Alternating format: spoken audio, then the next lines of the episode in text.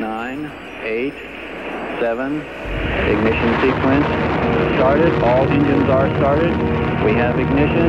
Two, one, zero. We have a liftoff. Welkom bij Sterrenstof, een programma over astronomie en ruimtevaart. Met interviews, het allerlaatste astronomie- en ruimtevaartnieuws en de sterrenhemel van deze maand. Presentatie Anko van Hal.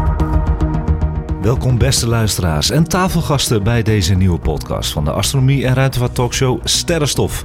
Live vanuit het Allerpiezend Amsterdam luister je naar aflevering 22. We hebben een hoofdgast aan tafel en dat is niemand minder dan Philip Schonejans, kernfysicus, projectmanager bij de European Space Agency, oftewel de ESA.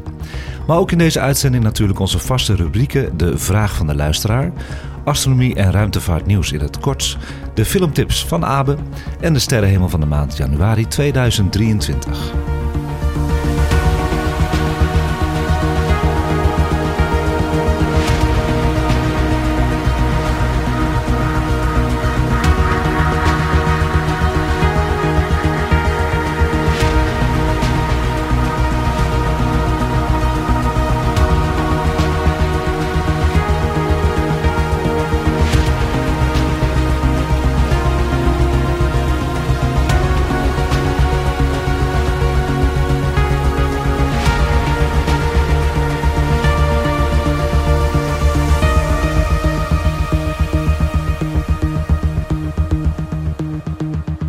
Welkom die luistert naar Sterrenstof. En welkom iedereen aan tafel die deze maand meedoet aan de podcast. Stiekem ga je onder het genot van wat koffie en koek in een uur weer veel stof over de sterren leren. En dat doen we deze maand met onze Sterrenstof sidekicks Abe en Irene. En Jeroen, welkom. Hallo. Hallo. We hebben iets te weinig microfoons, dus jullie moeten delen. Hè? Irene gaat nu er naartoe. Hallo. Ja, goed zo. We hebben nog iemand trouwens aan tafel. Ja, hi, ik eh, ben Meertele en eh Meertele Snabli en heel leuk om hier even te gast te zijn. Ik ben heel benieuwd eh, om meer over het werk van Philip te horen en eh, alle andere informatie. Ja, je bent van harte welkom. Ik, ik zat je niet in het rijtje te zetten van de sidekicks, maar je bent gewoon lekker een, eh, ja, het publiek eigenlijk een beetje. buiten sidekick. Ja, buiten sidekick. Dat is een heel goed woord, ja. De beste wensen gaan we doen voor 2023 luisteraars, sidekicks en tafelgasten met veel gezondheid en voorspoed. En we hebben als hoofdgast Filip Schonejans. Welkom Filip. Ja, goedemorgen. Ja, leuk. Ben je een beetje leuk. wakker? Ja hoor. Goed ik zo. ben al naar de tandarts geweest, dus daar word je wel... Zo, hallo. We gaan zo uitgebreid met je praten, Filip. Over het hoofdonderwerp die je zelf hebt mogen kiezen. Want dat doen we hè, bij Sterrenstof. Als we een hoofdgast hebben, mogen ze dat zelf uitkiezen. En dat gaat over... Het exploratieprogramma van ESA, eigenlijk wat we willen doen in de ruimte, maar dan misschien in het bijzonder eh, het project om van Mars, eh, Marsmateriaal naar de aarde te halen voor onderzoek. Maar Ja. ik wil ook altijd nog eventjes aandacht schenken aan eh, de Europese robotarm op het ruimtestation ISS, want daar heb ik 30 jaar aan gewerkt, dus dat mag niet ongenoemd blijven. Zo, daar gaan we het zo uitgebreid over hebben. En ik heb hem ook ingelezen. Ik vind het fantastisch. Maar we doen altijd bij Sterrenstof een eerste rondje. En dan hebben ze huiswerk gedaan, hoop ik. Irene, Abe, kijk ik aan. Jeroen ook. Want Jeroen zit heel ver weg hoor, jongens. Maar goed. Hebben jullie nog wat opvallends aan de hemel gezien van eh, december, mensen? Nou, het, echt, het was eigenlijk volgens mij de avond na de vorige opname. Maar toen was Mars zo goed te zien. En Ja. dat was zo leuk aan. Want je keek gewoon omhoog en je zag een rood sterretje. En dat vond ik eigenlijk best wel bijzonder. Mega goed is die te zien. Echt vet, ja. Ja, en, en niemand kan hem missen meer op dit moment. Nee. Het is zo leuk. En eh, Irene? En nou ja, eigenlijk diezelfde. Ja, het prachtige kerstster. Heel mooi. Ja, het is heel mooi hè? Echt eh, mooi rode gloed. Ja, en ik heb ook spannend nieuws. Want ik heb eindelijk dus die eh, telescoop gekocht hè, bij Ganymedes. Ja, eindelijk. Ja, en heel veel mensen die vroegen aan mij van... Ja, welke telescoop is het dan? Want dan gaan ze toch een beetje kijken of dat de goede is. Dat wil ik best vertellen. Dat is de telescoop Celestron Next Star Evolution. En ik heb eh, bij Ganymedes ook de ZWO ASI Planetary Camera gekocht. Klinkt allemaal heel technisch, maar dat betekent dus eigenlijk... dat er een cameraatje in de lens kan. En die gaat filmen. En van dat filmpje maakt hij heel veel stils. En dat wordt op elkaar gelegd. En dan krijg je een heel duidelijk gecontrasteerd beeld van bijvoorbeeld Jupiter of de maan of Mars. Maar dat is heel veel werk. Dus eh, dat heb ik nog niet geïnstalleerd, die camera. Dat is nog wel heel spannend voor mij. Maar ik heb natuurlijk wel gekeken met, eh, met de telescoop naar de leuke planeten die op dit moment goed te zien zijn. En wat ik heb gezien is Jupiter door eh, de telescoop. Dat was lang geleden dat ik hem zo goed had gezien. En dat was Jupiter met twee wolkenbanden. En vier manen stonden er heel mooi naast. Aan de linkerkant en de rechterkant. Heel ik heb, cool. Nou ja, er waren ook meteoren meteoren, hè? Die ja, precies. Ja, dat wou ik net naar vragen. Ja, Ja, heb, heb je dat gezien? Want ik, ik heb, kon het niet zien. één. En het was precies, waarschijnlijk ook die avond dat jij naar boven keek. Het was een hele heldere, was in het begin van december heel helder hè, en koud. Was die helder? Oh, ik heb, nee, dan had ik gewoon echt niks gezien. Ik dacht, Ja. Want eh, er is eh, een verdenking dat een van die eh, meteorieten de Soyuz lek geslagen heeft op het internationaal ruimtestation. Ja, oh damn. En het was vanochtend nog steeds op het nieuws, hè? Dat ze zorgen maken om die mensen terug te krijgen naar de aarde. Ja, ze zijn er nu mee bezig om te beslissen of er een nieuwe Soyuz eh, moet worden gelanceerd om ze op te halen. Of dat ze toch met die eh, lekke Soyuz terug naar de aarde kunnen. Ja. Maar het is nog niet helemaal duidelijk. Maar ik heb foto's gezien van het, het gat in de, in de pijpleiding en van het gat in de radiator. En dat is één gat, gaatje is van 4 mm, de andere 0,8 mm.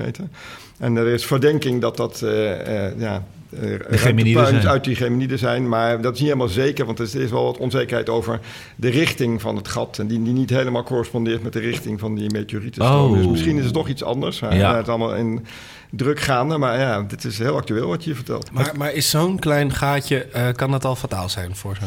Nou, dat was in de, in de pijpleiding van het koelsysteem van de Soyuz.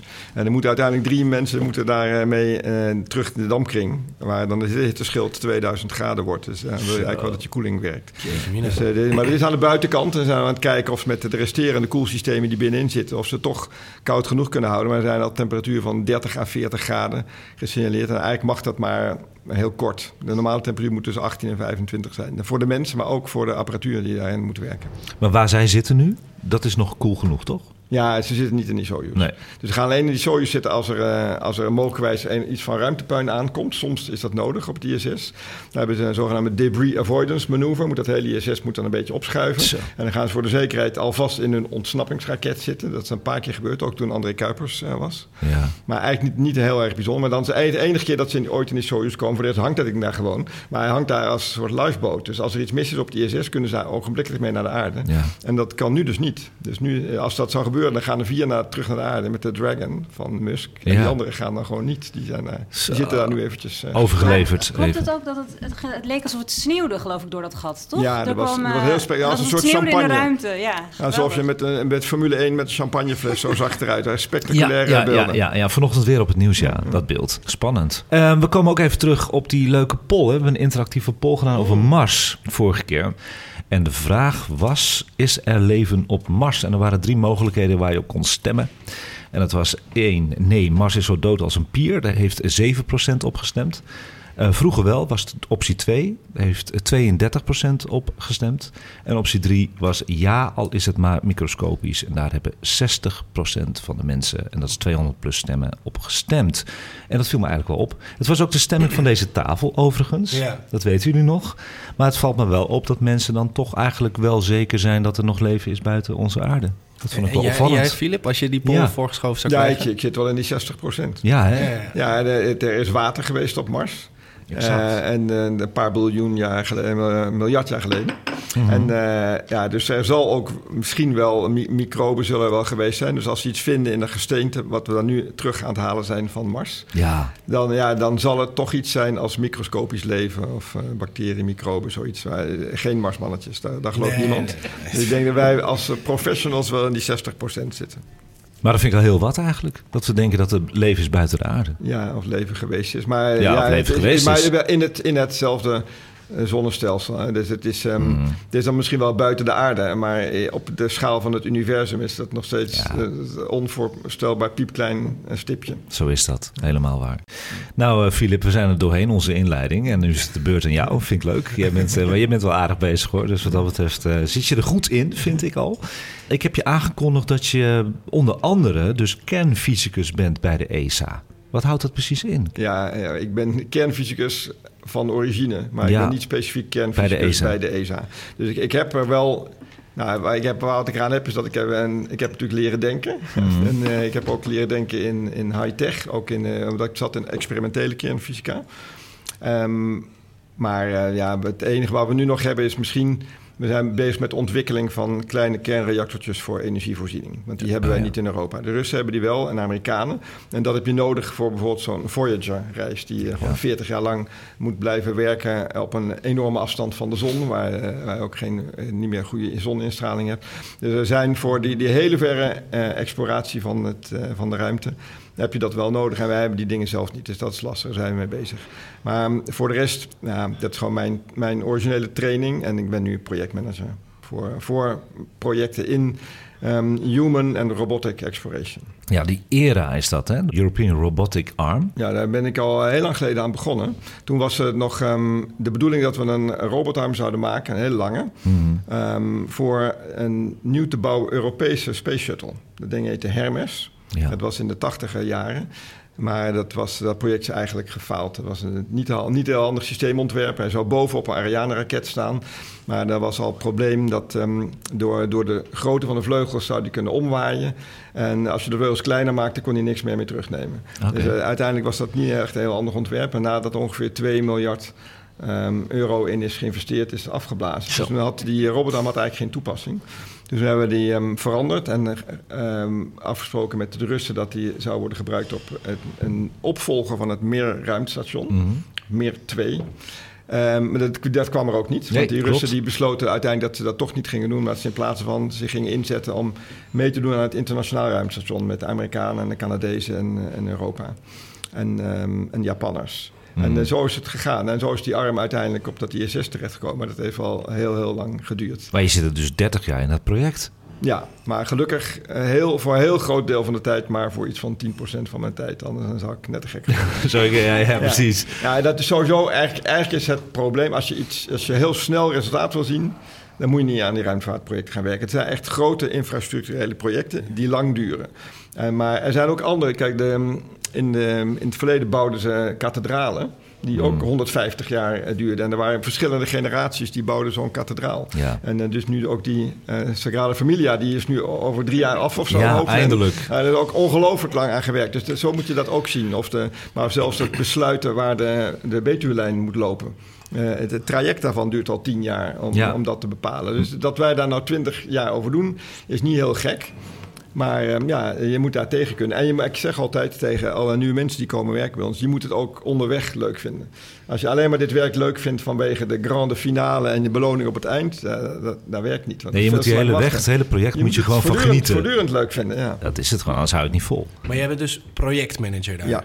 Dus jij zit als het ware echt met je, uh, met je armen in allerlei soorten disciplines die daaraan meewerken. Ja, en eh, bij ESA heb je als projectmanager heel veel, um, um, ja, heel veel mogelijkheden, maar ook heel veel cloud. Je, je, mag veel en je kunt ook veel bepalen. Dus ik ben verantwoordelijk voor de kosten, de schedule, van dat hij het doet. En, uh, maar ook voor geld lospeuteren in de politiek, uh, uh, de omgang met de media. Gewoon, gewoon alles wat het project behelst. Wauw. Het, het grappige is, en dat is wel leuk in het verlengen wat Abe vraagt... en wat jij zegt over het geld.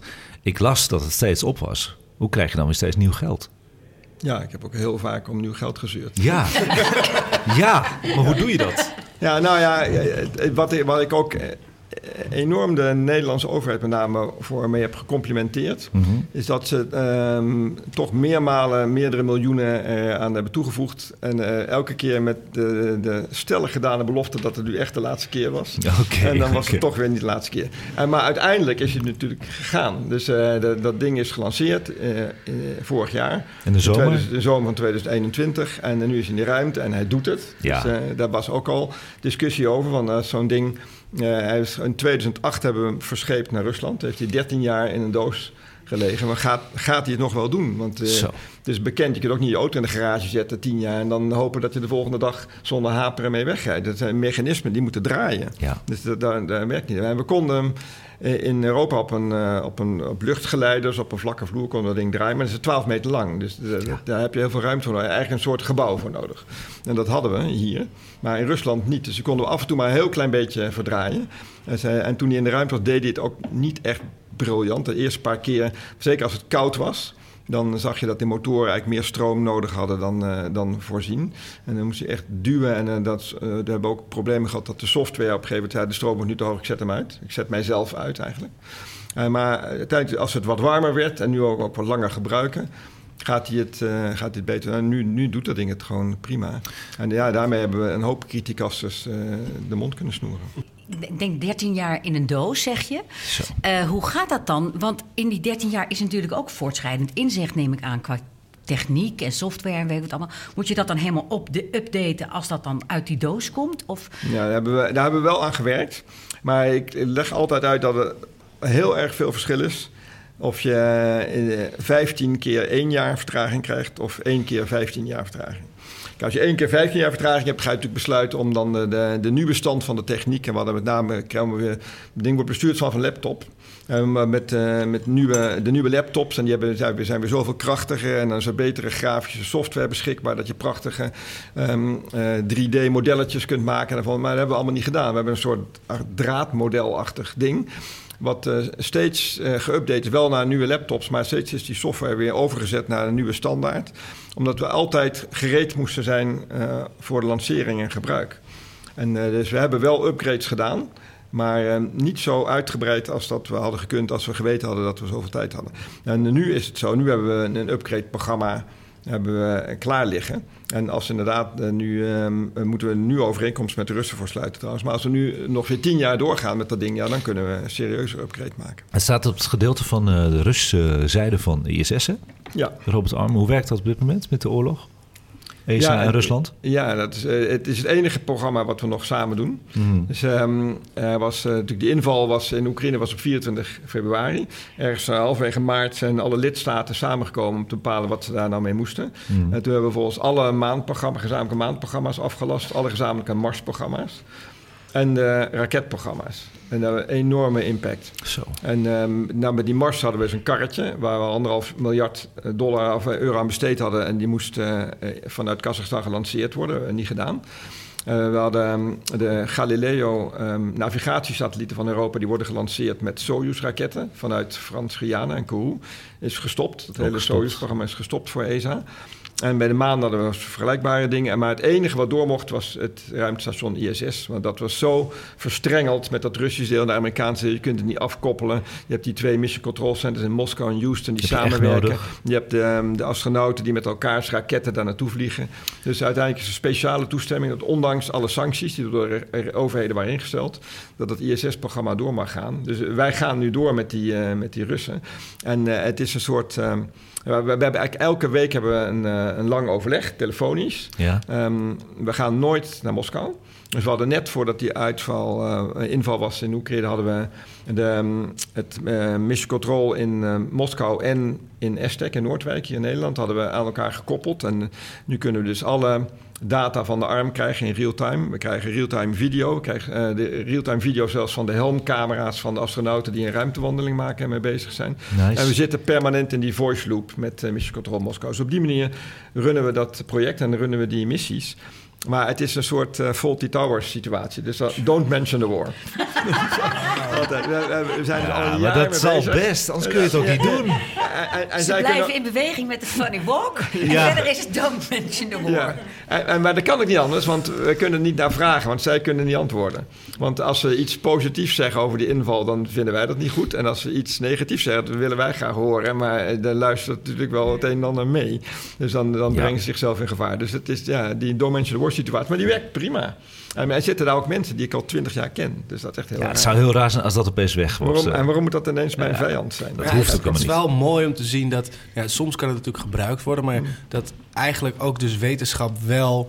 ehm, een politieke zooi toch kan doorbreken of zo. Ja. Ja. Toch? En eh, dat is ook echt zo. Want Ja. ook die, ehm, de Russen en Amerikanen zo op het ISS, die werken gewoon prima samen. Ja. En ehm, Zo is dat. je moet wel de politici kunnen overtuigen. Want dus hebben de Russen en Amerikanen hebben, ik denk twee maanden geleden of zo, of drie maanden geleden, hebben ze een overeenkomst gesloten. eh, dat er nog steeds een Amerikaan met de Soyuz mee zou vliegen en een Rus met de Dragon.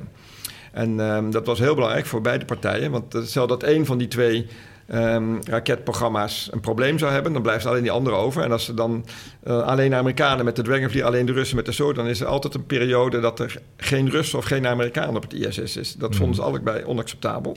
Dus ze hebben nog steeds dat vliegen met elkaars toestellen. Maar daarvoor moesten de Amerikanen wel in het congres speciale toestemming krijgen om die overeenkomst te sluiten. En de Russen ook. Dus ehm, het is, je moet wel de politici dan meekrijgen in dat belang. En dat, zo geldt dat voor ons ook. Want eh, we zijn nu bezig met die robotarm. We, we krijgen twee grote missies, eh, heel binnenkort. En als die gedaan zijn, dan is onze huidige verplichting afgelopen. Dus dan, eh, dan zouden we kunnen zeggen, dan weet je wat, doe lekker wat je wil met die robotarm. Want hij- eh, de arm zelf is nu van de Russen. Die is op, op T is 0 van de lancering overgegaan in eigendom van de Russen. Oh, Ja, dus dat zouden we kunnen doen. Maar Als we willen natuurlijk afscheid nemen, Nou. na 30 jaar. ja, maar dat is oké. Ik heb getekend. Dat was ook ja, dat, Ja. dat- een handtekening van eh, 360 miljoen euro gezet. Dat was, eh, dat was zo. Dat was, dus eh, een hartstikke rijke man ben je. Je zit nou, hier nou, gewoon met 360 miljoen euro Ja, hier die aan hebben tafel. niet gekregen, maar zij hebben die robotarm gekregen. Dus dat was wel leuk om te doen. Ja, maar als wij het. nu door willen, en dat willen we natuurlijk, willen we een overeenkomst sluiten met de Russen. Ja. En ehm, ja, de- als we dat doen, dan zullen we ook toestemming voor moeten vragen. Zeiden zij ook al, moeten we toestemming van onze regering voor vragen. En wij ongetwijfeld ook van aan de lidstaten. En dan eh, sluit je af eigenlijk de robotarm. Maar je bent ondertussen al aan het overlappen met een ander project waar je mee bezig bent. Dat is echt een project, nou mijn hart. Van ik hou van Mars, dat is mijn favoriete planeet. Dat weet iedereen. Heel Nederland geloof ik nu in Zweden, een Caribisch gebied. Ja, wat ik deze week ook las, het is niet eh, alleen maar toeval dat je hier zit, maar ze hebben al iets losgelaten op de, de Perseverance, hè, met een buisje met samples op de grond van Mars. Ja, het- En dat buisje, dat wordt opgehaald middels jouw project. Ja, ja, dat eerste buisje. Ja, het was een groot, eh, groot moment. eh, Ja. Gisteren of zoiets, ja. Nou ja, dan, Mars, eh, het project is het, eh, het heet Mars Sample Return. Ja, Het, het terughalen naar de aarde van stukjes Mars. ja fantastisch. En dat is, voor, dat is voor het eerst.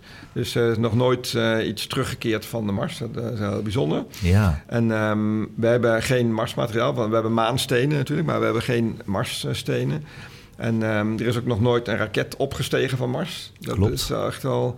Dat is echt eh, heel bijzonder. Nu is, rijdt die Perseverance rijdt daar rond zeker. Ja. om die, eh, dat Marsgruis op te boren en in een buisje stoppen en daar, daar neer te leggen. En ook in de buik mee te nemen. maar het en in- ophalen zelf? In 2028 is de lancering Ja. om eh, de Marslander, eh, die, eh, die moet helpen om ze op te halen. En dan zal ergens in 2033 of zoiets zijn die eh, samples pas eh, op aarde. Het, ja, het begin duurt heel lang, maar er zijn een aantal redenen voor. Ja. Aan het begin is het, ehm, de rest van de dingen wordt pas ontwikkeld du moment dat eh, die Perseverance succesvol was. Mhm. Want anders dan heb je ehm, misschien... eh, eh, bijvoorbeeld is Europa maakt, oh, maakt twee dingen. Die robotarm, waar ik projectmanager van ben... die op de Marslander zit... en een ehm, ruimteschip wat naar Mars toe vliegt... om die eh, buisjes terug te halen. Maar als je dat allemaal ontwikkeld hebt... en je hebt er al miljarden aan besteed... en dan blijkt ineens dat het beginpunt niet werkt... dat zou zonde zijn. Ja, precies. en je hebt ook nog het probleem dat je maar één keer in twee jaar naar Mars kan. Ja. Want alleen dan staan Mars en de aarde dicht genoeg bij elkaar. En ehm, met dat, dat marsgrond, hè? Ehm, ik neem aan dat daar heel veel eh, belangen zijn van... oh, mensen willen dit doen.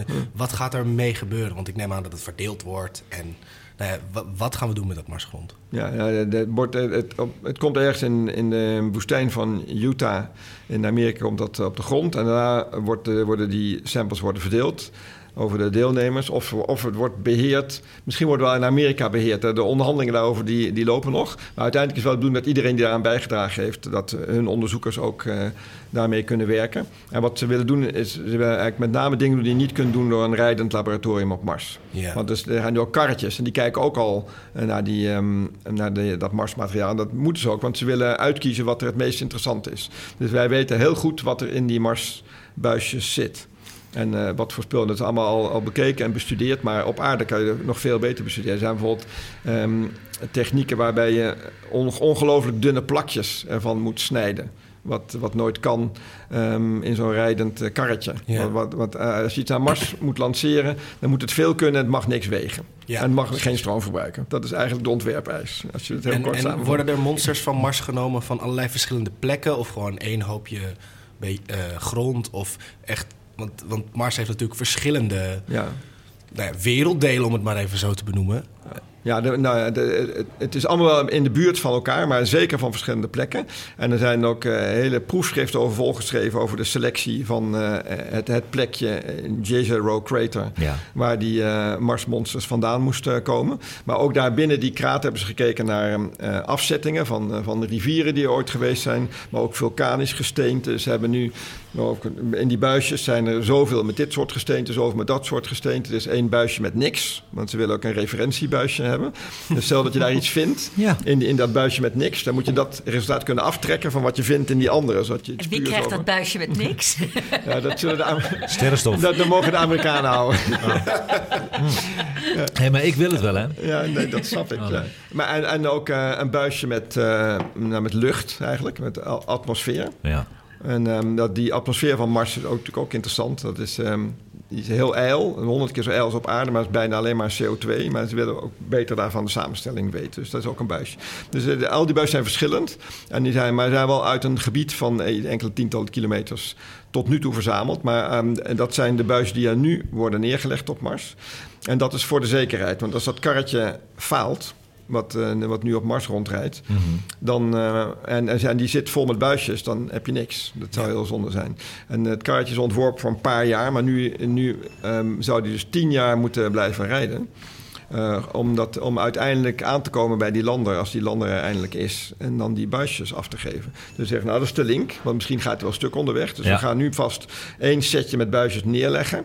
En dan liggen die veilig op Mars en die Ja. kunnen dan door iets anders worden opgehaald. En de eerste is afgelopen week neergelegd. En die foto staat ook op eh Sterrenstof Oh, eh, Instagram. Ik maak altijd weer eh, promotie tussendoor. Dat heb je door. Je hebt helemaal gelijk. Ik kreeg wat vragen van de luisteraars. Mensen die heel veel luisteren naar Sterrenstof. Dan had ik al gezegd dat jij zou komen. En die vroegen van, is het niet gevaarlijk om eh, grond van Mars hier te laten onderzoeken... in verband met virussen, bacteriën of micro-organismen die we niet kennen? Goeie Qua vraag. besmetting, Ja, dat is een goede vraag. En dat is ook inderdaad, wordt gezien als potentieel gevaarlijk. precies. Dus de eisen daaraan die zijn draconisch. Ja. Dus eh, we hebben een, een, ehm, een een serie eispakket, heet Planetary Protection. Dat heeft eh, twee doelen. Eén één setje eisen is om eh, te voorkomen dat je niet zelf bacteriën en microben meeneemt naar Mars. Eh, en dan vind je, op Mars vind je dan levend materiaal. Ha, levend materiaal, leuk. Maar dat blijkt van de vette vingers te komen van de engineers die, die, eh, die dat karretje.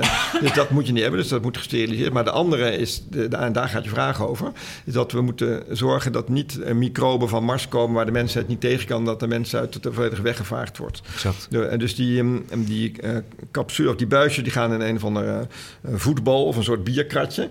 En daar, daar komen dan meerdere lagen van bescherming omheen. En die gaat in, een, ehm, in, dat, in die raket zitten ook weer meerdere lagen van bescherming. En uiteindelijk wordt die dus op die manier aangeleverd in een laboratorium. En daar kan alleen maar onder heel erg gecontroleerde condities ehm, weer uitgehaald Dat worden. is mega beveiligd eigenlijk. Hè? Eh, waarom wordt er niet gekozen voor ijs om mee te nemen van eh, de poolkappen van Mars? Want daar kan toch potentieel meteen leven in zitten in plaats van de, de grond. Ja, ja, dat is een goede Lijkt vraag. Eigenlijk weet ik het niet. Ik zou denken dat dat eh, technologisch te riskant is.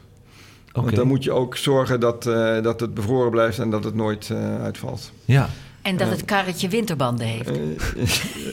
Ja, dat moet eigenlijk wel. Met spikes. dat zijn echt Irene-vragen, die houdt er wel in. Maar het ijs zit onder de oppervlakte. Dus het is, is Ja. ook al heel erg moeilijk. hè. We weten Ja. ook niet precies hoe diep dat het ijs zit. Maar de- je moet dan sowieso graven. Ja, En eh, het ESA-karretje, wat, eh, wat nu met vertraging waarschijnlijk zal gaan, dat kan twee meter diep graven. Dus dat heeft ook alweer ehm specifieke merites.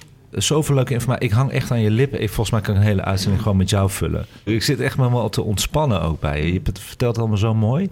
Wat zijn de uitdagingen eigenlijk om mensen naar Mars te sturen? Dan als we alles met robots kunnen doen, waarom zouden we dan met mensen daar naartoe gaan? Nou ja, we willen graag met mensen eh, verder kijken dan onze neus lang is. Ja. Dus eh, je hebt, eigenlijk heb je twee vragen. Wat zijn de moeilijkheden en waarom zou je het in godsnaam willen? Nou, we, we willen eigenlijk om twee redenen. Om de, we willen de, nou drie misschien wel. We willen de flexibiliteit van de mensen hebben, ook ergens waar je iets wil onderzoeken. Mhm. En dat heeft zich op het ISS ook al enorm uitbetaald.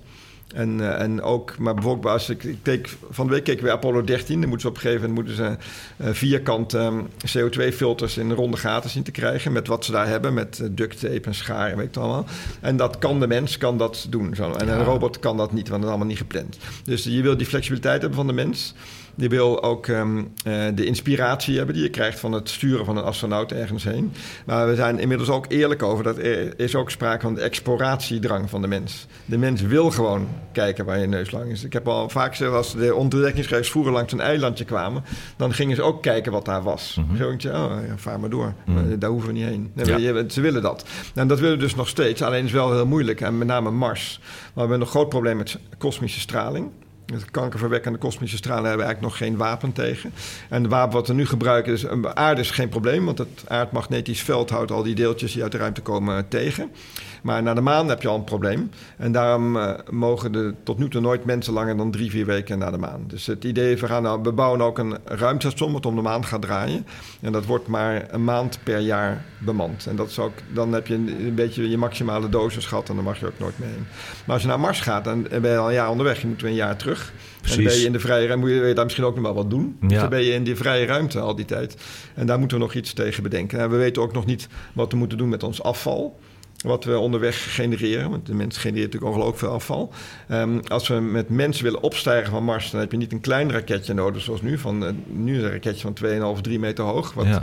wat uh, 30 buisjes van 80 gram moet wegschieten. Uh, dat is wat te doen. Mm. Maar als je vier mensen van 80 kilo moet wegschieten, dan heb je een enorm raket nodig. En daar hebben we niet eens de brandstof voor. En die brandstof kun je niet vooraf meenemen. Mm. Als je kijkt naar een raket die, uh, bijvoorbeeld zo'n Saturnus 5 raket of nu die SLS nieuwe maanraket. Mm -hmm. Daar zitten die capsule, daar zitten die mensen. En uh, de, de overige 98% van die raket, is brandstof. Ja. Ja. Doodeng, eigenlijk. Ja, ja, dat is een soort bom. En dus ja. die kun je niet meenemen voor een, voor een volgende raket. Nee. Nou, want uh, dan heb je ook uiteindelijk het probleem dat het gewicht van die brandstof is al, uh, is al zo hoog dat je heel veel brandstof nodig zou hebben om die brandstof te lanceren. Ja, en uh, als je de twee raket, voor twee raketten zou moeten meenemen, dan werkt dat niet. Nee. Dan kom je niet van de grond. Dus dat is al een probleem. Dus moeten we daar leren op Mars om brandstof te maken uit marsstof en water bijvoorbeeld. Ja. En uh, daar, dus een van de dingen die daar ook geprobeerd zal worden uiteindelijk, om te leven met wat daar is en om brandstof te maken van wat daar Zoals is. Zoals ze dat nu op de maan eigenlijk aan het onderzoeken zijn met ja. dat waterijs en zo, hè? Ja. daar brandstof van te maken. Maar dan is Elon Musk toch gewoon het oude hoeren? Maar doet hij toch altijd? Nee, maar even serieus. Hij, hij, wordt wel heel erg serieus genomen door een grote deel van de bevolking nee, met dat Mars-project van hem. Maar als ik je nou zo hoor praten, wat heel logisch is, natuurlijk ook heel wetenschappelijk en exact, dan is hij toch gewoon aan het oude hoeren, of niet? Nou ja, hij is natuurlijk al heel vaak van beschuldigd dat hij oude hoerde. Ja. Uiteindelijk krijgt hij toch wel heel veel dingen voor elkaar. Klopt. Ik denk dat vliegen naar Mars, dat kan. Terugkeren vanaf Mars, dat is nog heel erg moeilijk. Maar heeft hij dat nou gewoon niet door of is hij gewoon een space cowboy? Ik denk dat hij wel heeft wel space cowboy karakteristieken. Ja. Er wordt er wel eens gesproken over uh, je hebt gewone tijd en je hebt Elon tijd. Ja, nou precies en Elon dat. tijd die, is, uh, die duurt langer. Nou, dat dus naar Becky zegt... voor Irene, want zij is anti-Elon Musk, geloof ik. Hè? Ja, ja, ja, ja. Ja, ja. en, maar ik, ik wil nog even terug naar, dat, naar de energievoorziening. Want je zei aan het begin van het programma... Um, dat jouw uh, studie als kernfysicus nu ook weer uh, van nut is. Heeft dat dan ook met deze energievoorziening te maken? Dus dat je nadenkt over hoe je, wat, wat je net zegt, uh, toch energie kan genereren. Terwijl je niet dus heel veel brandstof mee hoeft te nemen. Dus ander, een andere manier van denken over energie. Nee, ik denk niet dat we. Um, maar de, de, die kleine kernreactortjes worden nu gebruikt voor elektriciteit te genereren en warmte te genereren. Mm-hmm. Maar nog niet voor de stuwkracht van een raket. En dan zeker niet de stuwkracht van een hele grote raket waar mensen in uh, moeten kunnen. Dus ik denk, denk, dat dat eigenlijk niet gaat werken. We hebben ook al efficiëntere manieren om uh, uh, raketten voor te stuwen. Met ionenmotoren die geladen deeltjes uitspugen. En dat is niet, niet chemische brandstof. En uh, die, dat werkt heel prima, het is heel efficiënt, maar het duurt heel erg lang, want je hebt maar een heel kleine versnelling. Dan moet je heel lang een heel piepklein beetje versnellen. En dan duurt zo'n reis veel te lang. Dus als je met mensen wil, dan heb je toch gewoon de bottenkracht nodig van een, een heel explosieve vloeistof die je in de fik steekt, eigenlijk. Oké, okay. dus dan gaat dat hele radioactieve verhaal gaat. Uh, nee, dat, ik denk niet, niet dat het werkt voor een lancering, maar gewoon met wat we nu weten. Hmm. Die, de, radio, ja, het kernverhaal werkt wel voor stroom en warmte. Hmm. Mag ik nog één vraag stellen? Um, want dit was ook bij de vorige aflevering een klein beetje ter sprake gekomen. Oh. En ik ben benieuwd of jij hier een mening over hebt en of hierover na wordt gedacht. Oh. Want wij sturen ook allemaal rovers naar Mars. Uh, en nou ja, sinds kort was er eentje die zou stoppen of zo, of die zou niet meer werken vanwege. De, ja, de insight is ingeslapen. Ja. ja. Um, Ga ik zo nog over hebben in de okay. nieuwtjes. Ja. ja.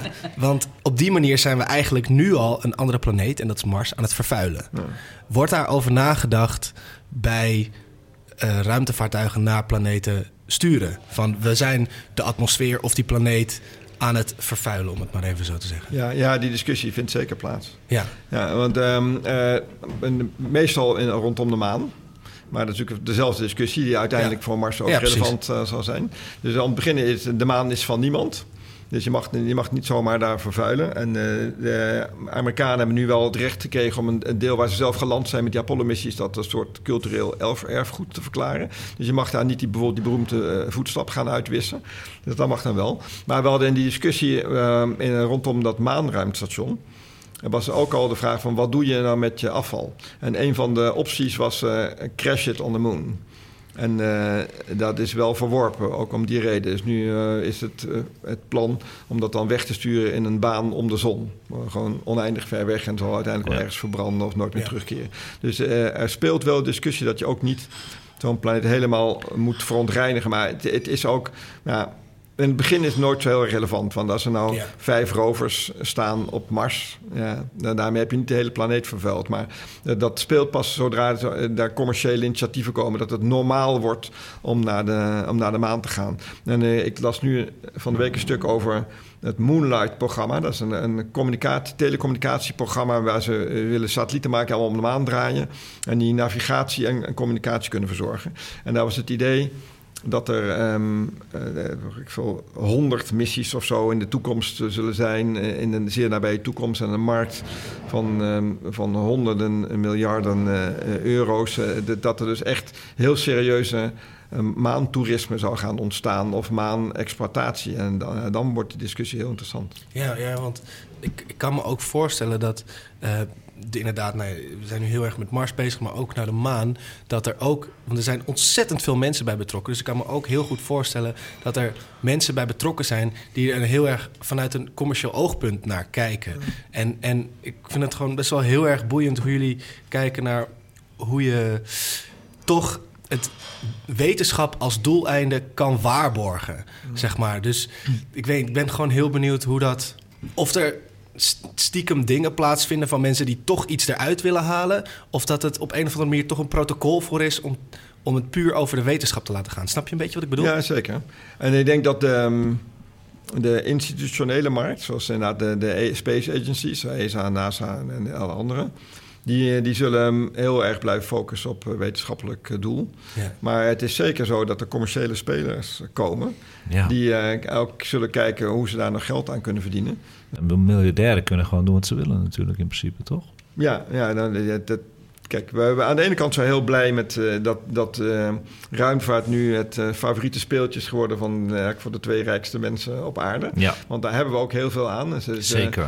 Ze, geven een enorme push aan de ruimtevaart. Ze ontwikkelen nieuwe modellen en zo. Maar het is wel zorgwekkend dat er één persoon is die meer geld heeft dan de, meer, de meeste landen. In, in, zijn eentje. En dat hij gewoon kan daarmee ook heel erg richtinggevend kan zijn. En dat ook nog in het geval van Musk is natuurlijk, ja, die heeft ook wel, heeft ook wel een grillig karakter. Dus uh, daar, ja, dat proef, is proef ik een beetje dat jij ook geen fan bent van? Nou, ja, nee, dat zou, dat zou te ver gaan. Want ik vind bijvoorbeeld wat hij gedaan heeft met die terugkerende boosterraketten. Dat is prachtig, Dat is echt prachtig. En ook eh, heel erg kostenbesparend. Ja. En daarmee dus ook de drempel verlagen. Dat geeft ook de mogelijkheid om om uh, sustainable naar die uh, duurzaam naar die maan heen en weer te kunnen. Zo voel ik het uh, ook. dus dat, dat, is, dat is echt een heel belangrijke ontwikkeling. En we hebben nu ook bijvoorbeeld ook um, we hebben heel veel problemen met uh, satellieten en, en, dingen die we niet kunnen lanceren omdat we de Soyuz niet meer hebben. Mm. En uh, de verschillende daarvan die gaan met een Falcon 9 raket van SpaceX gaan in de ruimte. Dus het is ook een godsgeschenk dat hij er is. Alleen ja, hij heeft heel veel invloed. Eigenlijk een beetje te veel invloed voor één enkele persoon. En, en hij is grillig. Dus dat is lastig. Ja. Maar het feit dat, dat dit soort initiatieven bestaan, dat verwelkomen we wel. Nou, prachtig. Mooi antwoord. Mooie afsluiting, denk ik, ook voor dit hoofdonderwerp. We gaan zo verder met allemaal rubrieken. Ik heb je al een beetje ingeleid hoe sterrenstof uh, werkt. Mag je bedanken voor dit in ieder geval. Maar ik ga geen afscheid nemen, want je gaat gewoon lekker mee bemoeien hè, met de rubrieken, toch? Heel graag. Ik krijg nog een kopje koffie ook. We gaan eerst de vraag van de luisteraar behandelen. Hier de kijkersvraag vanuit Zweden. Wij kijken met de telescopen zoals de Hubble en de James Webb de ruimte in op zoek naar buitenaards leven. Maar we kijken naar verre sterrenstelsels, soms 13 miljoen jaar terug in de tijd. Dan is het toch heel goed mogelijk dat wij naar planeten kijken waar 13 miljoen jaar geleden nog geen leven was, maar vandaag de dag wel. En het geldt natuurlijk ook andersom. De buitenaards leven naar ons kijkt vanaf miljoenen lichtjaren, dat we ons nog geen leven kunnen zien, omdat het nog niet gevormd was. Wordt hier ook rekening mee gehouden bij de zoektocht naar buitenaards leven. Alvast bedankt. Groetjes Jordi. Jordi, dankjewel. En ook bedankt dat je mijn hoofd hebt gebroken uh, afgelopen week. Want ik heb echt zo zitten googlen en ik kwam er niet uit. Ik ga hem nog één keer herhalen voor de luisteraars. Uh, we kijken met de Hubble en Webb-telescoop en de Kepler de ruimte in op zoek naar buitenaards leven. Maar we kijken ook naar verre sterrenstelsels, soms 13 miljard jaar terug in de tijd.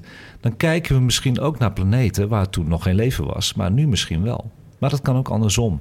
Dat buitenaards leven van zo ver weg naar ons kijkt, maar nog niet ziet omdat het toen nog niet gevormd was. Wordt hier dan ook rekening mee gehouden naar de zoektocht naar buitenaards leven? Nou, ik vind het een hele mooie vraag. Ik vond het ook heel moeilijk. Dus ik heb hulp uh, gevonden bij mijn aardige uh, astronomie-collega, podcast-collega Hens Zimmerman. En we hebben echt samen 50-50 de vraag weten te beantwoorden, hoop ik. Maar ja, zoals jullie misschien al merken, is daar bijna geen antwoord op te geven. En ik kon het ook niet googlen, dus het is een heel moeilijk iets. Dus we hebben het wel geprobeerd. Kijk, wetenschappers kijken nu bijvoorbeeld met de Hubble, de Kepler en James Webb naar zonnestelsels niet verder dan duizenden lichtjaren van ons vandaan. Zonnestelsels die zich miljoenen of miljarden lichtjaren ver weg bevinden, zijn logischerwijs moeilijker of helemaal nog niet in beeld te brengen. Laat staan de leefbaarheid van de planeten om die verre sterren. Ook maakt het niet zoveel uit of we nou leven ontdekken duizenden, miljoenen of miljarden lichtjaar in het verleden. We kunnen er toch niet naartoe en we kunnen niet met ze communiceren. Maar toch is deze zoektocht, ook al is het duizend lichtjaar van ons vandaan of in het verleden, essentieel voor de vraag hoe eventueel leven in het universum ontstaat en dat we niet de enige zijn. Webb kijkt bijvoorbeeld naar het zonnestelsel Trappist 1 en die staat op 39 lichtjaar afstand. Daar hebben we het een keer over gehad, ik geloof twee uitzendingen terug. Op 31 maart dit jaar werd gemeld dat de verste exoplaneet die door de Kepler-telescoop was ontdekt, zou staan op een afstand van 17.000 lichtjaar. Dus waarom benoem ik al deze cijfers even? Dat zijn de cijfers die we nu op dit moment even kunnen bekijken over exoplaneten. Dus ik wil een, een soort conclusie geven hierover. 1. We zijn dus niet echt op zoek naar leven of oude exoplaneten van 13 miljard jaar oud. Want die we nu kennen staan dus eigenlijk relatief dichtbij. Anders zijn ze lastig aan te tonen. Nummer twee, in een zoektocht naar leven zijn we behoorlijk wanhopig eigenlijk. Op dit punt kan het dus echt niet schelen of we een buitenaards insect of het fossiel van een buitenaards insect vinden. En nummer drie, we doen het nu met wat binnen onze mogelijkheden ligt. Een groot deel is per definitie passief luisteren naar signalen uit het verleden. Er is immers nog geen alternatief. Dat is het enige antwoord wat ik kon geven aan Jordi. Ja. Is het voor jullie duidelijk allemaal? Ja, ja. ja, is wel duidelijk. Ja. Ik vind daar ook interessant dat er eh, is, niet, niet lang een paar maanden geleden, een exoplaneet ontdekt die eh, veel dichterbij licht. Maar dan, maar dan uh, ik geloof dat de vier lichtjaar of zoiets niet Precies. Maar dan, um, dan, we kunnen natuurlijk niet met de lichtsnelheid vliegen. Dus met de huidige maximale snelheid betekent dat nog steeds dat we daar nooit van leven daar naartoe zou kunnen. Nee. Zouden kunnen. Dus het is echt, een, nou, het is, ik denk helemaal klopt wat je zegt, dat met de huidige stand der techniek en wetenschap kun je informatie vergaren met wat je kunt zien en wat je niet kunt zien. Dat is jammer, maar helaas. Precies dat. Uh, wat ik wel mooi vind, aan, en dat is ook aan Jordi, toch? Ja, hoe Jordi, Jordi uit Zweden, ja. Jordi, hoe Jordi het vraagt is... Want we hoorden, als, als je een beetje in de wetenschap zit... en daar weet jij denk ik alles van... en um, je wordt constant dood, doodgegooid met de term uh, ruimtetijd. Ja. En dat is een heel complex begrip. Zeker. Um, alleen het is wel heel leuk om te horen aan deze vraagstelling... dat uh, hierdoor, dat dus verder te kijken... en je terug in de tijd kijkt... dat je hierdoor eigenlijk aan al merkt... dat ruimte en tijd echt onlosmakelijk aan elkaar verbonden ja, zit. Ja, toch? Ja, zeker. En dat is zo cool daaraan. Begrijp jij die term nu echt? Kan jij er goed, um, weet ik veel, over nadenken en dus misschien mee filosoferen? Want voor mij is het nog steeds een heel abstract begrip. Voor mij ook. Ja, ja het, het, wat ik ervan moet begrijpen, dat begrijp ik nou in elk geval wel. Ja. En met name bijvoorbeeld dat als je eh, dat zo'n sterrenkijker, ja. zo'n James Webb telescoop, dat, die, dat is gewoon een geschiedkundig instrument. Ja, ja, een die, tijdmachine. Naar, naar, ja, naar licht wat heel lang geleden is, uh, is uitgezonden. En dat dat ook een van de grootste merites ervan is. Uh, dat hij zo'n heel zwak sterretje wat uh, naast een veel heldere ster staat, dat hij dat nog kan zien. En dus licht van veel verder weg en dus ouder licht kan zien. Ja, ja. Dus uiteindelijk hoef je er ook niet echt heel erg veel van te begrijpen om, om nee. je werk te kunnen doen. Voor ons was niet. Zou, zou je de, de ehm, vergelijking kunnen trekken met eigenlijk wederom weer de oude ontdekkingsreizigers... die naar een ander werelddeel gingen en dan een brief terugstuurden. En daarmee, eh, als je de brief dan ontving, keek je ook weer terug in de tijd natuurlijk. Want er ging ook heel lang overheen. Ja, misschien was zo'n ontdekkingsreiziger lang al uh, doodgeschoten En was al lang weer dood. Dus dat, op het moment dat je dan zo'n brief ontving, maanden later, keek je terug... En in de tijd van uh, het moment dat degene die brief schreef. Dat is precies hetzelfde. Mooi ja, hoor. En, en, en ik moet daar ook aan denken, ook weer met die waar we het net over hadden, bacteriën en die microben en weet het allemaal. Dat dat natuurlijk ook met die ontdekkingsreizigers ook allemaal was. Ik bedoel, de Engelsen hadden uh, beesten bij zich waar hele uh, volkstammen in Amerika aan dood zijn gegaan. Ja. Nou, en dat we dus nu voorkomen. Precies. We hebben dat in het verleden dus je leert gezien. toch, men en, en leert toch het is wel grappig, we zijn nu al gewend aan instantane communicatie. Maar, en, uh, maar die was er dus niet voor de ontdekkingsreizigers vroeger. En omdat wij nu in de ruimtevaart veel verder willen kijken, is het er nu ook weer niet. Dus het Ja. is alleen is beginnen heel, kort, heel kort even instantaan geweest, maar nu niet meer. Ja, fantastisch. Welkom bij Sterrenstof, een programma over astronomie en ruimtevaart. Met interviews, het allerlaatste astronomie- en ruimtevaartnieuws en de sterrenhemel van deze maand. Presentatie Anko van Hal. Is het al zover, Anko? Ja, volgens Is mij het wel. al zover? Gaan Ja. we naar de nieuwtjes? Ja, vind je het leuk? Ja, ik ben enorm benieuwd. Ja, en ik heb nog een kleine cliffhanger luisteraars. Benieuwd want ook, hè? Benieuwd, ja. Als benieuwd- naar de nieuwtjes. ja, ik snap hem. Heel leuk. Maar het leuke cliffhangertje is ook dat jij je eigen nieuwtje ook meegebracht hebt. Maar die gaan we zo meteen doen. Even wachten nog, even wachten. We hebben astronomie en ruimtevaart nieuwtjes in het kort. En dan kijk ik Abe even aan, want we hebben daar eh, eigenlijk de vorige maand, eigenlijk zijn we een hele jaar al mee bezig, Abe. Heel emotioneel op gereageerd. Maar hij is nu echt dood. De Marslander Insight neemt afscheid. En dat is na eh, vier jaar heeft hij op eh, Mars eigenlijk een beetje succesvol geopereerd. En hij heeft eh, 1319 Marsquakes gemeten. Maar ja, goed, uiteindelijk is hij dus eh, overweldigd door Had hij ook stof. weer zijn famous last words? Ja, die had hij, maar hij heeft er een paar. Kijk, hij heeft deze bijvoorbeeld. Zal ik die even... Ja, ja, ja, Hij is deze, dat is heel dramatisch hoor. Mijn vermogen is erg laag. Dus dit kan de laatste foto zijn die ik kan sturen. Maak je geen zorgen over mij. Het lijkt, het lijkt wel candlelight. Jezus. Ehm, Jan van Veen. ja, ja, Jan van Veen. Mijn tijd hier is zowel productief als sereen geweest. Als ik met mijn missieteam kan blijven praten, zal ik dat doen. Maar ik stop hier binnenkort. Bedankt om bij me te blijven. Oh, het is werkelijk een gedicht, hè? Het is een gedicht. Het is echt fantastisch. Die stond op Twitter en die is ontzettend veel gedeeld ook. En mensen hebben gewoon ook natuurlijk gewacht tot die ging uitdoven. Want dat was eigenlijk ook wel voorspeld. En eh, de laatste keer dat hij die foto stuurde, dat was op 15 december. Dat is voor ons onlangs, omdat we een week later opnemen voor januari. En ze blijven wel luisteren naar een signaal van Insight. Want het kan zijn hè, dat die zonnecellen opeens weer even worden opgepoetst door een eh, stormpje of zo. En dan kan hij opeens het weer even doen. Maar ja, daar hebben wij het vorige keer ook over gehad. Waarom? Want jij bent bezig met die robotarm. En nu zit Philip er toch, dus ik ga toch vragen. Ja, ja, ja, zie ze allemaal ja, kijken. Onze vraag was, en ik heb geen antwoord gehad van 8 tot 10.000 luisteraars, moet je nagaan. Hoe kan het zijn dat wij heel veel rovers nu dood laten gaan, hè, en Marslanders, door stof op zonnepanelen en daar geen borsteltje of ruitenwisser op hebben gemonteerd, terwijl jij wel robotarmen kan maken? Och, jezus. Ik heb nog, Ja, dat dachten wij dus ook. Wij ik heb dachten precies hetzelfde. Geen, geen één ontwerp gezien waar eh, een, eh, een borsteltje was om, die, om dat stof eraf te wissen. Ja, en ruim, een Ehm, ruitenwisser gewoon. Ik zou, dat, ik zou het nooit, ook nooit zo maken, denk ik. ik. Zou, dan zou ik de zonnepanelen en weer bewegen of omdraaien. Kijk aan. Eh, dat, Oh, dat gewoon zou, leegschudden. Ja, natuurlijk. ja, dat zou op zich wel, ehm, wel moeten kunnen. Het, is, het, het heeft me ook verbaasd dat die na vier jaar mee op... Ik, ik, wist, ik weet natuurlijk van het probleem van Mars stofstormen... en die vinden om de zoveel tijd plaats. We weten ook ongeveer wanneer. Ja. Maar wat we bijvoorbeeld plannen met, ehm, met een Marskarretje... wat nu moet gaan ehm, Een karretje eigenlijk wat afgelast was door, door de, met de Russische lancering. Maar dat Ja. gaat dan later. Maar daar wordt gekeken naar de lanceerdatum. Moet zo zijn dat die aankomt op het moment dat hij nog een jaar te gaan heeft... voordat de grote stofstormen komen. Dus nu eh, probeer het oplossen met het plannen in de tijd... voor die dingen die niet mega lang hoeven te werken. Dus dan hebben ze een hoofdtaak gedaan... en dan pas komen al die stofstormen. En daarna heb je kans dat de zonnepanelen op een zeker moment te weinig opleveren. Maar dat is dan in de, in de, maar de uitloopfase. Dan zijn alle doelen zijn gehaald.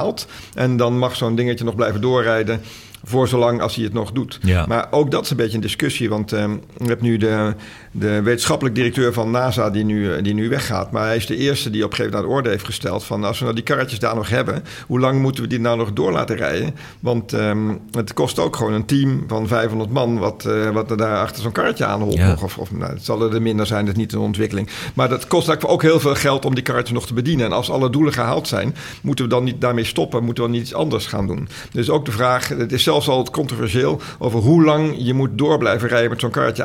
alleen maar vanwege het enkele feit dat hij het nog doet. Ja, maar dus die- het is ook best oké dat je op een gegeven moment... eh, Ja, met deze boodschap de, de wereld instuurt. Oké, oké. is Bijna satisfying voor mij. Maar niet helemaal, want ik heb altijd een emotionele band met die rovertjes en zo. Die vind ik fantastisch. En, en die wil ik ook thuis hebben eigenlijk. Eh, Die Curiosity heeft het eh, heel lang gedaan, onverwacht.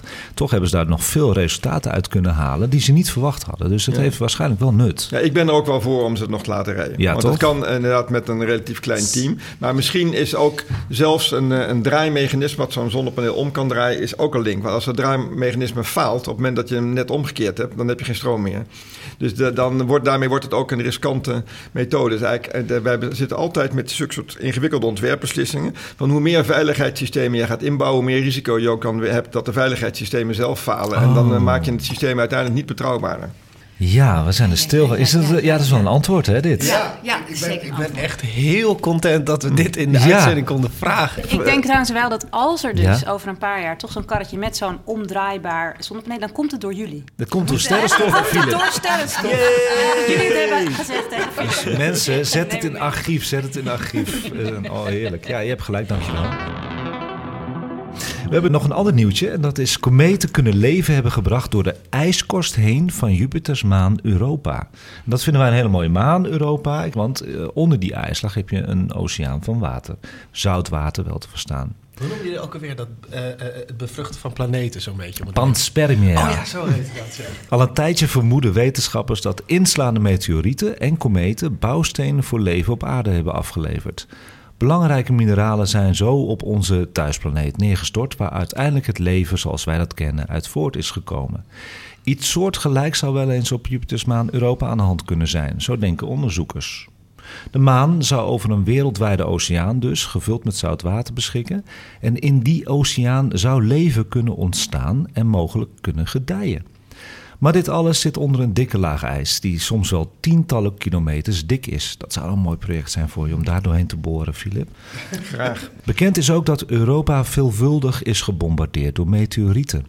Wetenschappers hebben namelijk tientallen kraters op het oppervlak van Europa onlangs gespot. De vraag is echter of inslaande kometen en planetoïden door die dikke ijskorst heen konden komen en bouwstenen voor leven in de ondergrondse oceaan kunnen afleveren. Zo blijkt dat een neergestorte komeet ook zonder dwars door Europa's ijskorst heen te breken ingrediënten voor leven in de ondergrondse oceaan kan afleveren. En hoe doen ze dat dan?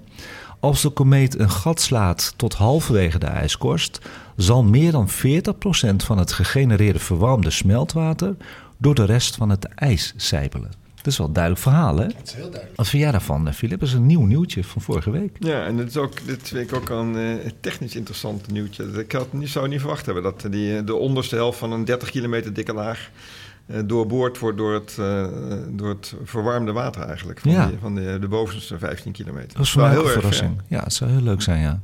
Er komt er namelijk wel een missie naar Europa. Dat is de Europa Clipper-missie. Oh, ja. Die gaat er omheen. Hè? Die gaat nog niet landen op Europa. Want dat is natuurlijk wel iets wat ik heel graag zou willen. En die gaat waarschijnlijk in 2024 worden gelanceerd. Dan gaan we naar een eh, ander nieuwtje. En dat is van Irene. Ja, ik krijg blijkbaar allerlei. Ik, ik heb een paar keer eh, ergens op geklikt. Ja. En dan eh, krijg je. Dan krijg je alle- het gewoon. Ja, dan krijg je van allerlei sites en dingen krijg ik dan toegestuurd. En dit was een nieuwtje. En dat ging over een exoplaneet. Ehm, die gaat zijn eigen ondergang tegemoet. Oh, Ja, heel sneu. We hebben het net over die Marslanden gehad. Maar deze exoplaneet slingert zichzelf om zijn ster heen. En eh, gaat daardoor steeds dichter naar die ster toe. En eh, uiteindelijk wordt hij dus opgeslokt door die ster. En het bijzondere daarvan is dat deze ster, dat deze exoplaneet in beeld is. En dat wetenschappers dat nu hebben kunnen zien gebeuren. En dat is de Kepler 1658b en die is gedoemd te sterven. Door de zwaartekracht van de exoplaneet. Die kan niet anders dan richting zijn ster draaien met alle gevolgen van dien. Jeetje. En dat heet dood door ster. Ja. Ja, ja, ja. Dood door ster is een lot dat vele planeten wacht. En het Ah. kan zelfs onze eigen aarde overkomen over miljarden jaren. Aangezien ook onze zon steeds ouder wordt. En dat heeft dan te maken, en dat probeer ik me voor te stellen... en dan kan Philip me corrigeren als ik het fout zie... Ik zal maar zeggen, als je een badje hebt in de zomer en daar drijft een dode insect in en je laat het badje leeglopen, dan gaat het steeds sneller richting het putje en dan gaat hij steeds kleinere ringetjes doen en dan uiteindelijk zakt die insect putje. het putje in. Moet ik het zo zien? Slingert dat, dat op hij die manier? slingert zich steeds Nee, via nee, een dan moet je niet, kleiner... niet per se het sneller gaan. Bij, bij een, als, als een planeet rond de ster draait. Ja, Eh, met die snelheid komt altijd overeen met een bepaalde afstand Ja. en een baan. Dus hoe harder je gaat, hoe, groter eh, de kring, de, de cirkel rondom die ster. Dus als hij, als hij opgeslokt wordt, een ster, zou ik zeggen dat hij ergens snelheid verliest. Oké. ehm, En waardoor eh, de zwaartekracht eh, van de waardoor ster- de, waardoor die dan minder uit de bocht vliegt en uiteindelijk steeds kleinere ci- cirkeltjes rondom die ster gaat maken. En eh, dan opgeslokt wordt. Ik ben alleen benieuwd in, in het geval van jouw nieuwtje hoe lang dit gaat duren. Want ehm, eh, ik ben altijd heel erg onder indruk bij astronomen om gebruik van de woorden binnenkort. Ja. En, en, en, en, ra- en rakelings. Rakelings vind ik ook een heel mooi Ja, woord. ja, ja, dus ja. bijvoorbeeld te zeggen dat je moet genieten van elke zonsverduistering. Want binnen, eh, we zeggen, want die, die, die afstanden tussen maan en zon eh, dat veranderen. En binnenkort zal de maanschijf niet meer helemaal in staat zijn om de zon te bedekken. En, de- en dat is dus over 100 miljoen jaar of zoiets. Precies. En, en dan hebben ze het over een, eh, een komeet die rakelings langs de Ja, aarde dat zo scheerde. En dat Ja. was er weet ik veel over een miljoen kilometer afstand. Ja, of zoiets. ja, dat precies, is dan rakelings. Dus dit Ja. is, ik, ik, dit, binnenkort gaat deze ster dus sterven. Maar ja, Ja. wanneer is dat? binnenkort, ja. En nou ja, goed, maar... Nou, mooi. En, en ik zat me ook even eh, af te vragen. Hè. Jij zegt de aarde gaat ook deze kant op. Hè? En dat staat inderdaad ook eh, in het nieuws.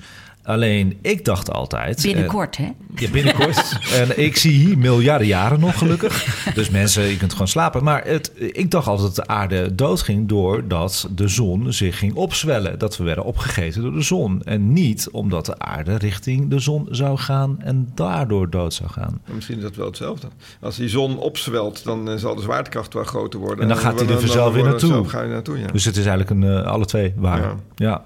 Mooi nieuwtje, Irene. Ja, Speel- opletten weer. spreekt ook weer ontzettend tot de verbeelding, vind Ja. ik. Irene's metaforen die zijn eh, fantastisch. Zeker.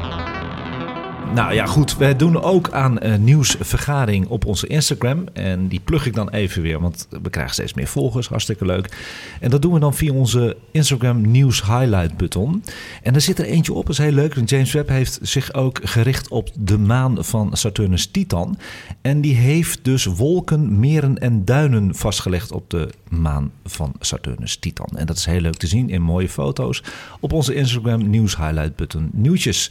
Heb jij ook leuke en wonderbaarlijke astronomie nieuws tips? Aarzel dan niet mij te berichten via Instagram of via sterrenstofnieuws@gmail.com.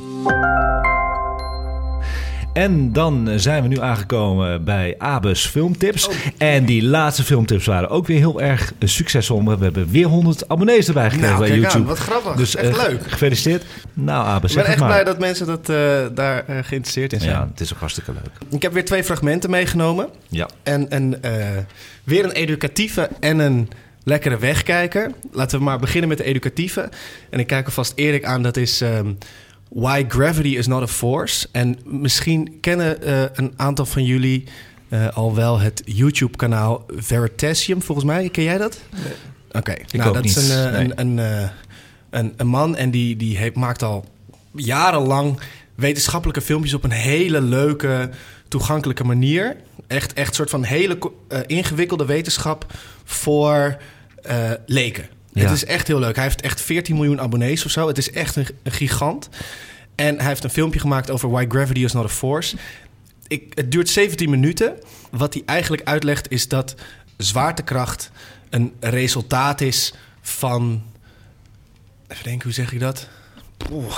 Ik, wil, ik, ik kijk ook af en toe ja, omdat ik, omdat ik geen verkeerde dingen wil geen zeggen. Ja, wat, Ehm, wat u wil gaan Het zeggen. is nieuw voor Philip ook. Ja, hij heeft het Ik over de het een bijzondere stelling, dat zwaartekracht geen Ja, echt? zijn. Dus ik hang, nu hang ik aan jouw lippen. Ah, shit. Oh, maar te veel druk. Oké, dan moet ik me, dan moet ik even Dat is te kijken. veel druk. Laten we eerst luisteren. Oh ja, laten we eerst heel even luisteren. Het is eh, Why Gravity is Not a Force. En misschien dat ik daarna nog heel even toch wat verheldering kan geven.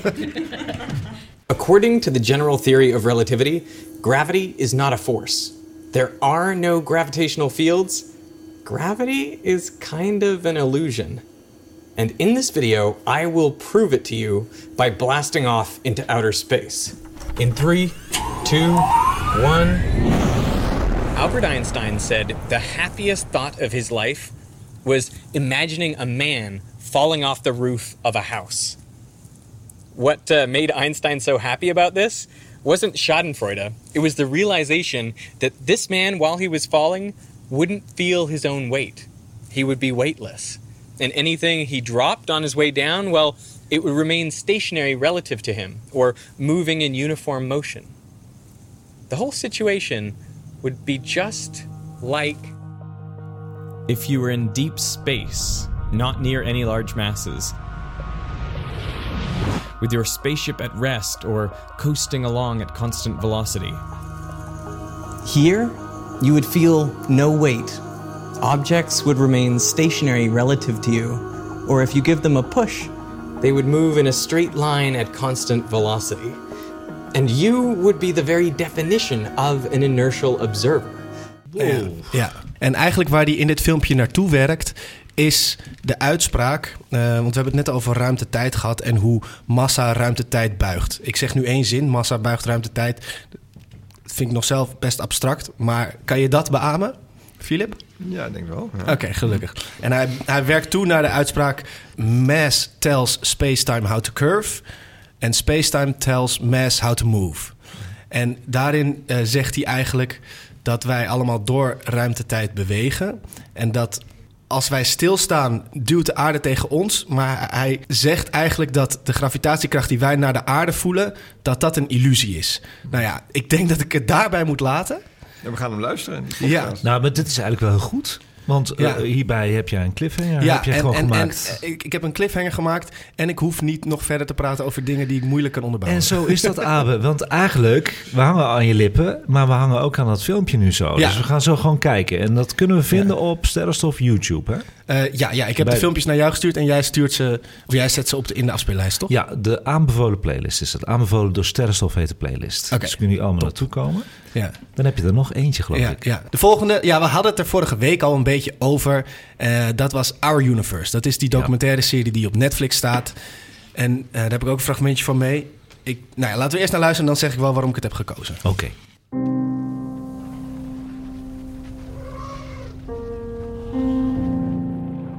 In the lives of every creature on earth are echoes of events that occurred a long, long time ago.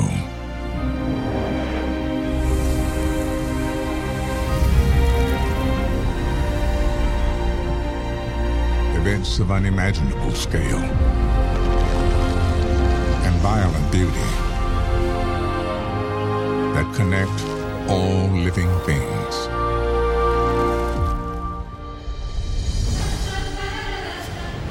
It has taken 13.8 billion years to reach this one precious moment in time and space. This is the story of our universe. Ja, het is lekker Amerikaans. Het is lekker episch. Lekker pompeus. En meneer Morgan. Eh, en met muziek de prachtige eronder. stem van meneer Morgan Freeman. Ik vind het wel heel mooi, hoor. Nou ja, Abe. dat is inderdaad het ding. Want bij, bij docus is het natuurlijk vaak dat... eh, eh, waar, waar voice-overs bij zitten, zoals die docus van David Attenborough en zo... als vaak de voice-over stem niet zo prettig is... dan, dan wo- wordt het al wat lastiger. Zeker. En, en nou, eh, Morgan Freeman heeft toch wel een hele fijne stem. En het leuke aan deze docu-serie is... het is met allemaal... Nou, het, is, het is zo episch als dat kan zijn... maar het is met allemaal epische ruimteshots met planeten... die in elkaar knallen en zo. Ja, ja.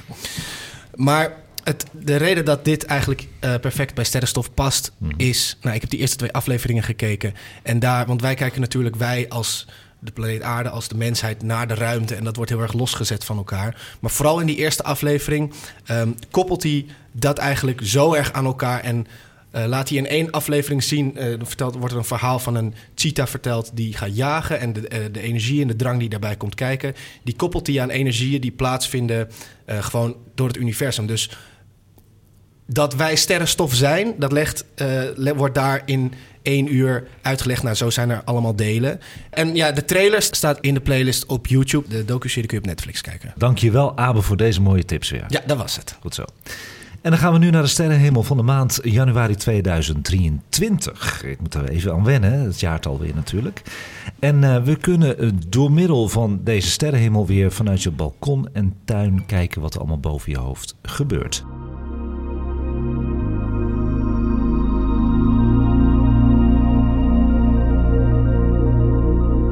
We beginnen altijd met de planeten. Ik geloof dat Irene, die zit met de agenda. En, en Abe ook. Het zijn gewoon twee mooie elektronische agenda's. En als je dat niet wil doen, dan kun je steeds de podcast natuurlijk afluisteren. Voor de herinneringen. En alle vijf van de planeten die met blote oog zichtbaar zijn, zijn waar te nemen deze maand aan de hemel. Voorzichtig komen er twee bij.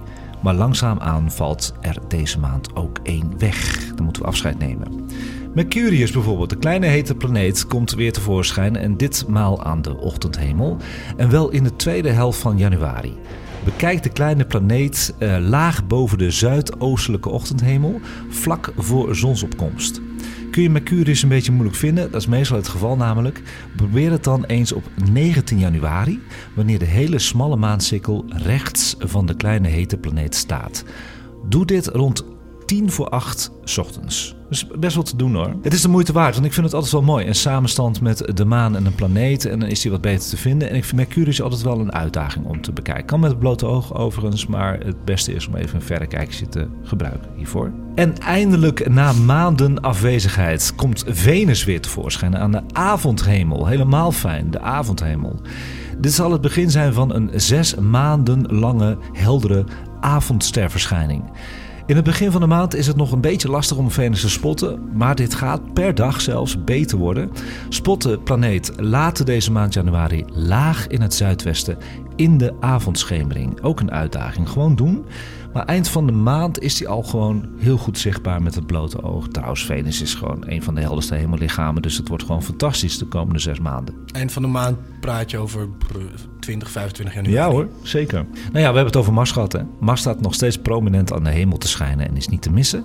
Maar in de loop van de maand neemt de magnitude, dat is de helderheid van Mars, wel snel af. Hij gaat van min 1,2 naar 0,3. Maar het is nog steeds eh, trouwens heel helder. Maar het wordt wel steeds moeilijker daardoor om met een telescoop details te kijken op de planeet omdat hij zich alweer van de aarde afbeweegt.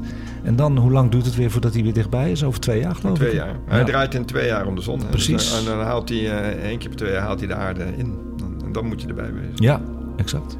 Op 3 januari kun je een hele mooie samenstand trouwens zien. Die is echt wel even op te schrijven. Met de maan. Hij staat dan maar 1 graad ten zuiden van Mars. In de rest van de wereld is het een Marsbedekking. Daar hebben we het ook wel eens over gehad. hè? 3 januari? Dat is 3 januari. 1 graad ten zuiden van Mars staat de maan dan. Dat is een hele nauwe samenstand. Oftewel conjunctie. Jupiter is de hele avond goed zichtbaar en is nog steeds een hele opvallende verschijning in het westen. Met een telescoop kun je twee mooie wolkenbanden zien. De rode vlek met veel geluk, welke trouwens een megastorm is, zoals jullie weten, denk ik.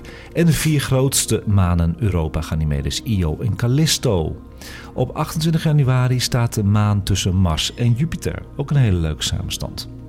Dan gaan we naar Saturnus en die gaat ons deze maand dus verlaten als avondplaneet. De eerste helft van januari is de geringde planeet nog te spotten laag in het zuidwesten, maar in april komt hij weer terug, maar dan als ochtendplaneet. Op 8 januari kun je goed het maantje Titan van Saturnus spotten met een zelfs kleine telescoop. Dat zal ik gewoon even doen. 8 januari heb je een telescoop. Ga dan even richten op Saturnus en dan zie je daar rechts of links van, ligt aan hoe de telescoop het omkeert trouwens, zie je een klein stipje. Dat is de maan Titan. Op 23 januari rond kwart over zes is er een mooie samenstand te zien van de zeer smalle maancirkel met de planeten Venus en Saturnus. De maancirkel is heel dun, dus je dat uh, grijze gedeelte nog heel mooi. En Venus en Saturnus staan rechts van de maan heel laag. Wel een mooie samenstand trouwens. Als je Venus hebt gevonden, staat Saturnus rechts schuin onder. Gebruik hierbij het liefst wel een verrekijker.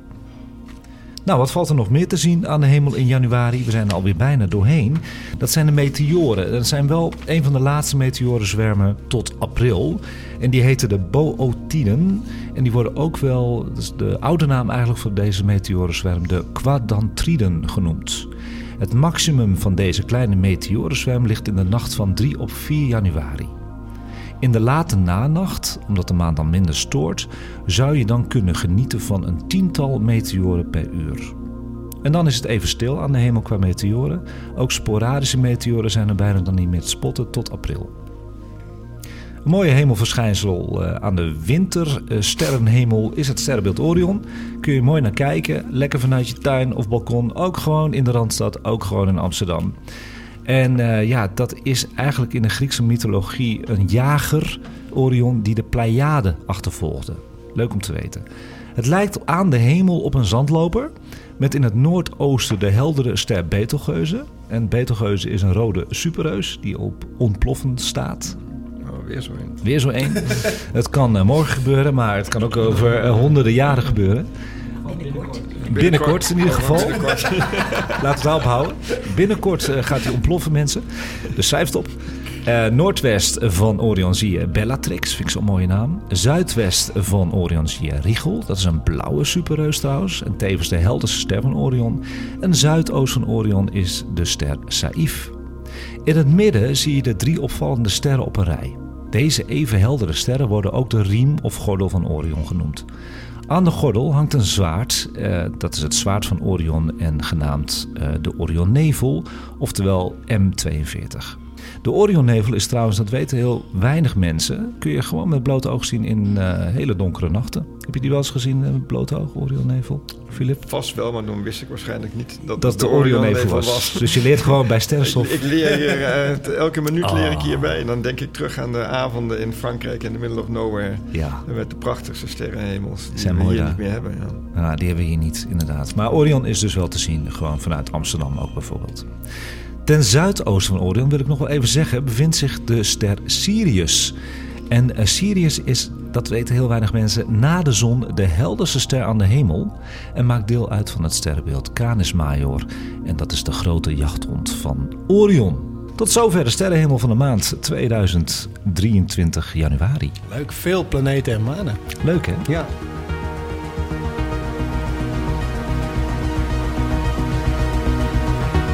En tot zover Sterrenstof voor de maand januari 2023. Live vanuit het Allet Piercent Amsterdam.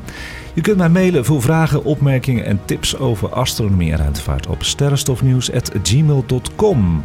Je kunt Sterrenstof natuurlijk ook vinden op Instagram. Volg ons op Sterrenstofnieuws. Terugluisteren kan altijd via alle bekende podcastplatformen en onlangs ook op Podimo. Deze podcast werd mede mogelijk gemaakt door Ganymedes Optische Instrumenten te Amstelveen. Dan wil ik bij deze aan de tafel bedanken Abi, Irene, Jeroen, Filip en Mirtele voor de medewerking van deze zeer leerzame aflevering. De techniek was in handen van Erik en de heerlijke koffie werd weer verzorgd door het café Allet Pierson. Iedereen bedankt voor het luisteren weer. Tot de volgende keer. En kijk eens wat vaker omhoog.